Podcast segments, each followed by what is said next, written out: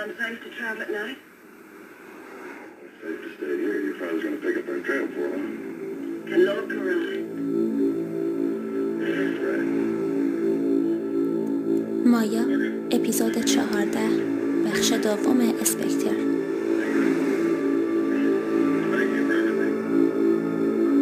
Is there anybody out there?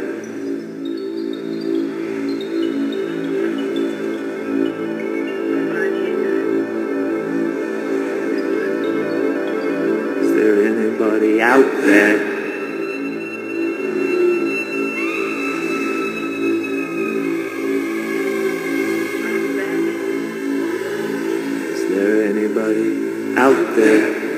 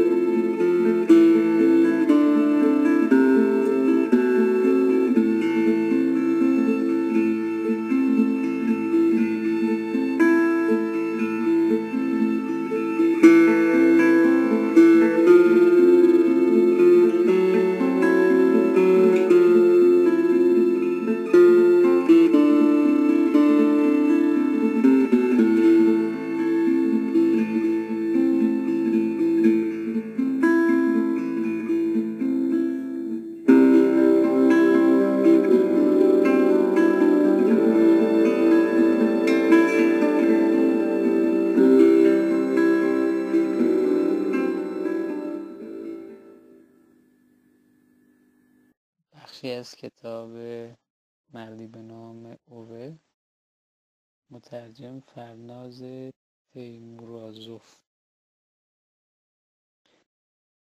اوه هیچ وقت نفهمید چرا زنش او را انتخاب کرد. زنش فقط عاشق چیزهای انتظایی بود. کتاب، موسیقی و لغات عجیب و غریب. اوه یک مرد غیر انتظایی بود. از پیچگوشتی و فیلتر روغن خوشش می آمد. کل زندگیش دست در جیب راه می رفت. زنش می رقصید. یک بار که از, که از زنش پرسید چرا همیشه اینقدر شاد است زنش پاسخ داد یک پرتو آفتاب کافی است برای تابناکی ظلمت این جمله در یکی از کتابهایش آمده بود و از قدیسی به نام فرانسیس اسیزی بود سپس با اشوه و لبخند گفت عزیزم تو منو گول میزنی و خودش را در بازوهای ازولانی اوه رها کرد اوه تو توی دلت میرقصی جایی که کسی نبینه و واسه همینه که همیشه دوست دارم چه بخواهی چه نخواهی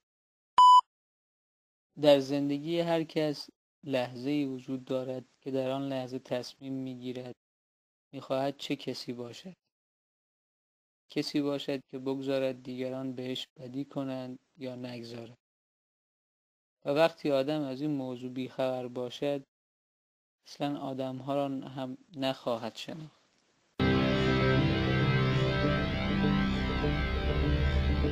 Thank you.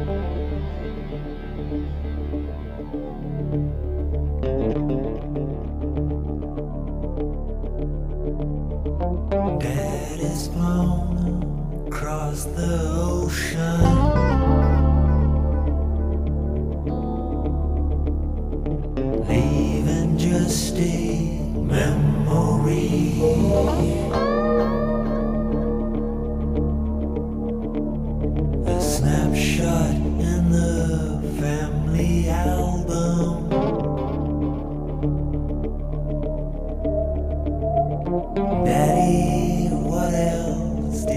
your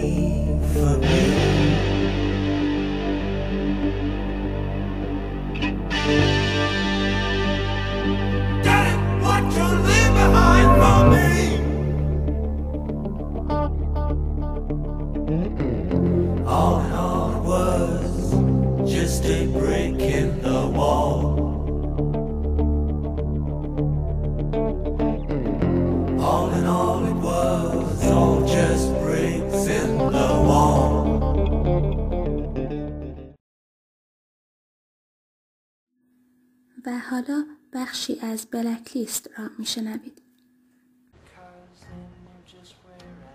Now I understand why you sold the apartment I gave you.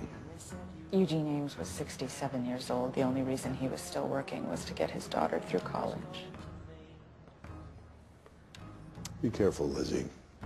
Because the truth of it is, once you start down this road, there's no logical place to stop. You can see to her education, health insurance, housing.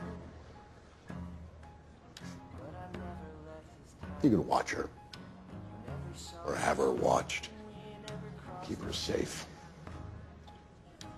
Try to ascertain her hopes, dreams, desires. Pull strings, call in favors to discreetly smooth the path. And for the first few years, it may work you'll draw some measure of virtue from being her invisible benefactor. But that won't last.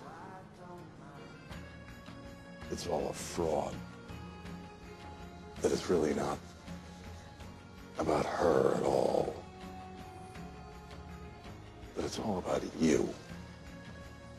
And you're just going through the motions to salve your own guilt. But all the money, all the time and effort, all the favors in the world cannot possibly equal what you took away from her. Everything else is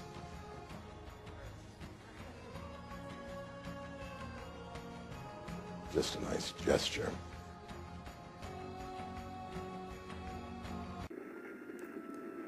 چهار دیواری که ازش میگن توی اتاق من معنا پیدا میکنه. اینجا یه نقطه خیلی کوچیک از یه خونه تقریبا پنجاه برابر خودشه. حتی قابلیت اینو داره که همون در رو هم نداشته باشه. تا یه وقتی فکر میکردم من توی درونی ترین قسمت این خونه و غرق خودمم. همیشه به راجر باترز اجازه میدادم حرفاشو بزنه ولی هیچ وقت واقعا بهش گوش ندادم. اون هیچ وقت شاکی نشد. به حدی که چندین سال طولانی گزینه پلی رو کلیک میکنم و به طرز غیر قابل باوری دوباره از اول همون حرفاشو همون نوتهاشو با همون دقت قبلی برام تکرار میکنه بی هیچ کم و کسری. با نهایت صبر و دقت. راستش هیچ وقت نمیخواستم قبول کنم اینجایی که هستم در واقع بیرون محسوب میشه. اون توی دیوار بود. درست بین چند تا آجر از دیوار اتاقم. پشت دو تا طرح مسخره از گل و هم حرف میزد اول آروم بود و سعی میکرد به من بفهمونه وجود داره سعی کردم درک کنم که توی اون دیوار همون جهان درون محسوب میشه و همه این جاهایی که منم جهان خارج لحنش جدی تر میشه میرم سمتش سعی میکنم دستامو بهش برسونم ازم کمک میخواد. ولی نمیتونم کاری کنم. فقط میتونم بهش اجازه بدم وارد وجودم بشه. به همراه سولو سعی میکنم اونو به زور وارد رگهام کنم. ولی یهو روش رو از من برمیگردونه. به اونایی که رو به روشن میگه من نمیتونم. من حالیم نیست. به هم بر میخوره بهش تذکر میدم که اگه میخواد به وجود من راهی داشته باشه همین الان تلاشش رو بکنه. روشو به طرفم برمیگردونه و سرم داد میزنه ازم کمک میخواد ولی احتمالا به خاطر خودم نگاهم روی پوستر آلبوم قفل میشه فقط آجرای یه دیواره در دارنجم همه ورودم و میگیره و وارد مرحله اندوه میشم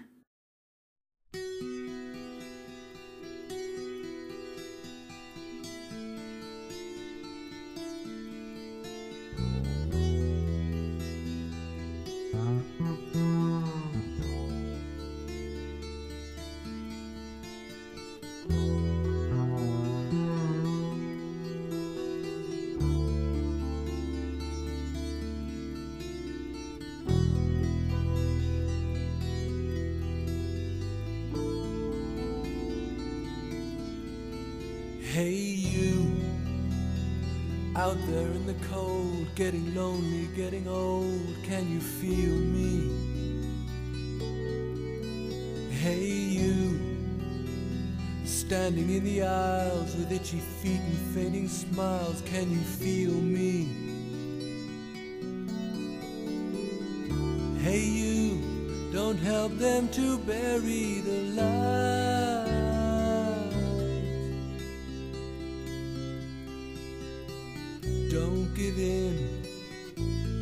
without a fight.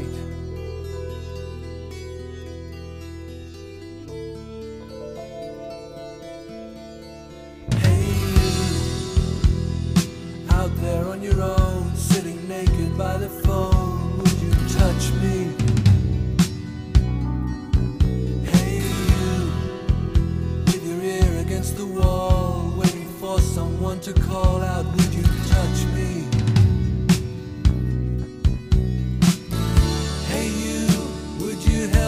to carry the stone.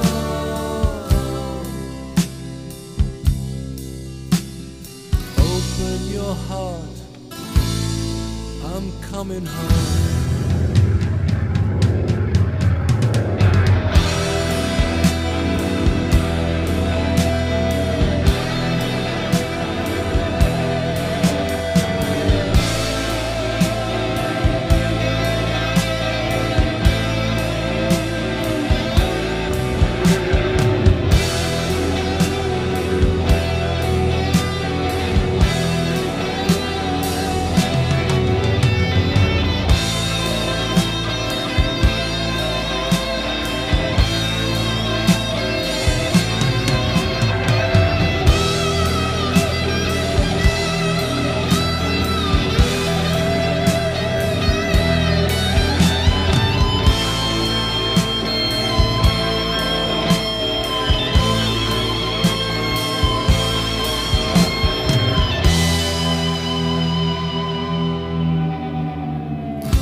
it was